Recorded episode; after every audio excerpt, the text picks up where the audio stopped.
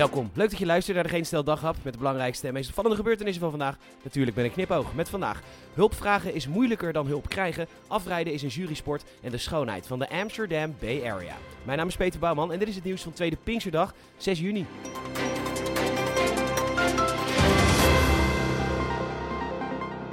Hulp vragen.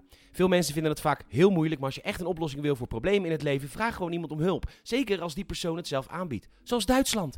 Duitsland. Ongeveer 100.000 Nederlandse patiënten staan namelijk op een wachtlijst. En volgens Alex Friedlich, Duitser en bestuursvoorzitter van het ziekenhuis in Münster, kan Duitsland gemakkelijk helpen. De reden? Nou ja, ze hebben daar gewoon heel veel ziekenhuizen. En waardering. En verstand. En kunde. Eigenlijk zijn Duitsers in alles beter dan de Nederlanders, behalve humor. Maar ja, niemand zit te wachten op een dokter die tijdens een open hartoperatie tegen de verpleegster zegt: Shh, hou je hartklep.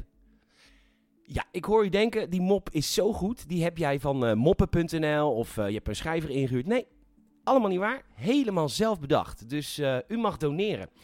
Anywho, regio Noord-Rijn-Westfalen heeft net zoveel inwoners als Nederland en 330 ziekenhuizen. Wij hebben er 90. En daarom pleit Friedlich, Duitser, voor een meerjarig akkoord met de Nederlandse overheid, zodat je een masterplan kunt maken voor het wegwerken van de wachtlijsten. Wat wijs, wat praktisch, wat een heerlijk humorloos maar nuttig plan. En dan komt er een reactie van een woordvoerder van VWS, mevrouw Kootstra, Nederlander. Ja, nee, dat kan niet, want dan moet de nazorg in Nederland en wij hebben geen plek. En anders moet de nazorg in Duitsland. En stel je voor dat je een week met een kunstknie in Duitsland moet toeven. Nee, dan gun je helemaal niemand met een kunstknie. Revalideren in een mooi bergachtig landschap waar je niet zo lang hoeft te wachten voordat je geholpen wordt door vriendelijke mensen die praktisch denken. Minder bureaucratie. Ja, alleen een beetje humorloos. Maar ja, niemand zit op een kunstkniedokter te wachten die na de behandeling zegt: Nou, dat lopen is een beetje wennen, maar je hebt het zo weer onder de kunstknie.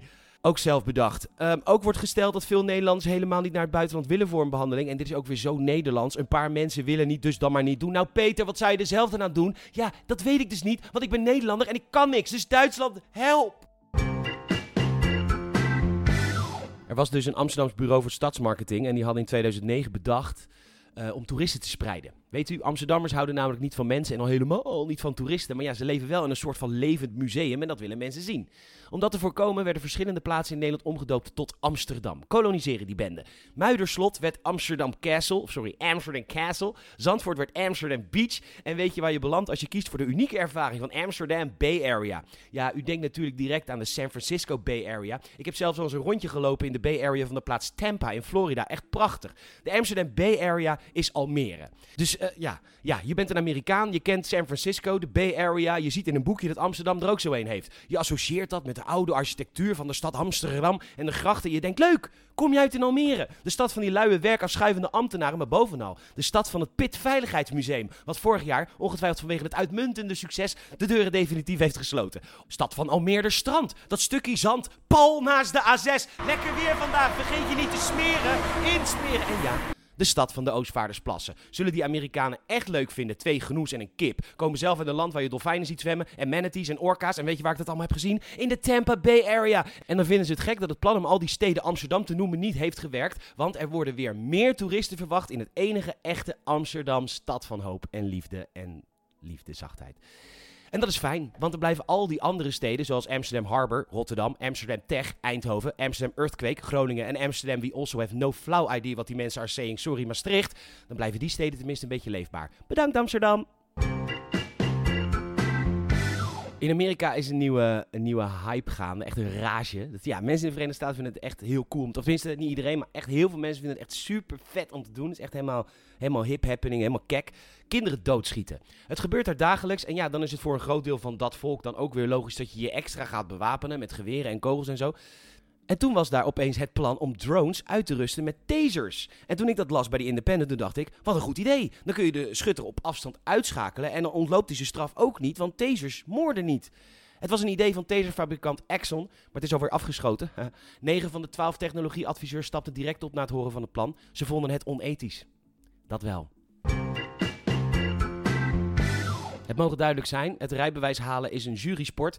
Of jij rijbewijs haalt, dat ligt voor een deel ook aan de examinator en zijn of haar bui, voorkeuren en dat soort dingen. Dat weet je gewoon. Maar nu is het zeker, want RTL Nieuws heeft onderzoek gedaan naar 435.000 examenresultaten samen met onderzoekers. En wat blijkt, slagingspercentages variëren tussen de 17 en 79 procent afhankelijk van examinator. Ook maakt het soms uit welk geslacht je hebt. Zo is er een examinator bij wie 67 procent van de mannen in één keer slaagt en 45 procent van de vrouwen. Dan hoor ik u denken, ja hè hè, vrouwen kunnen niet rijden. Ja, nee, dat is wetenschap. Uh, mannen hebben een beter ruimtelijk voorstellingsvermogen en reageren gemiddeld sneller. Wetenschap. Maar dat is niet de reden. Want bij een andere examinator slaagt 52% van de vrouwen en 33% van de mannen in één keer. Een jurysport dus. En eentje die best veel geld kan kosten. Overigens heb ik zelf ook er ervaring mee. Uh, mijn examinator heette Erik.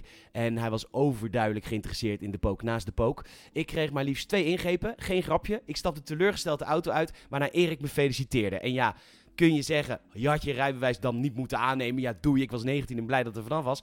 En, oh, even wachten. Met Peter. Hey Erik. Gewoon, die hele skinny jean, hoezo? ja, ja, jij wel hè? Staat hij al in de eerste versnelling, ja? Bedankt voor het luisteren. Je zou ons enorm helpen als je een vriend of vriendin of familielid vertelt over deze podcast. Je kan een Apple Podcast review achterlaten en dat kan ook via Spotify. Dat gaat hartstikke goed. Geef ons even 5 sterren. Nogmaals bedankt voor het luisteren en tot morgen.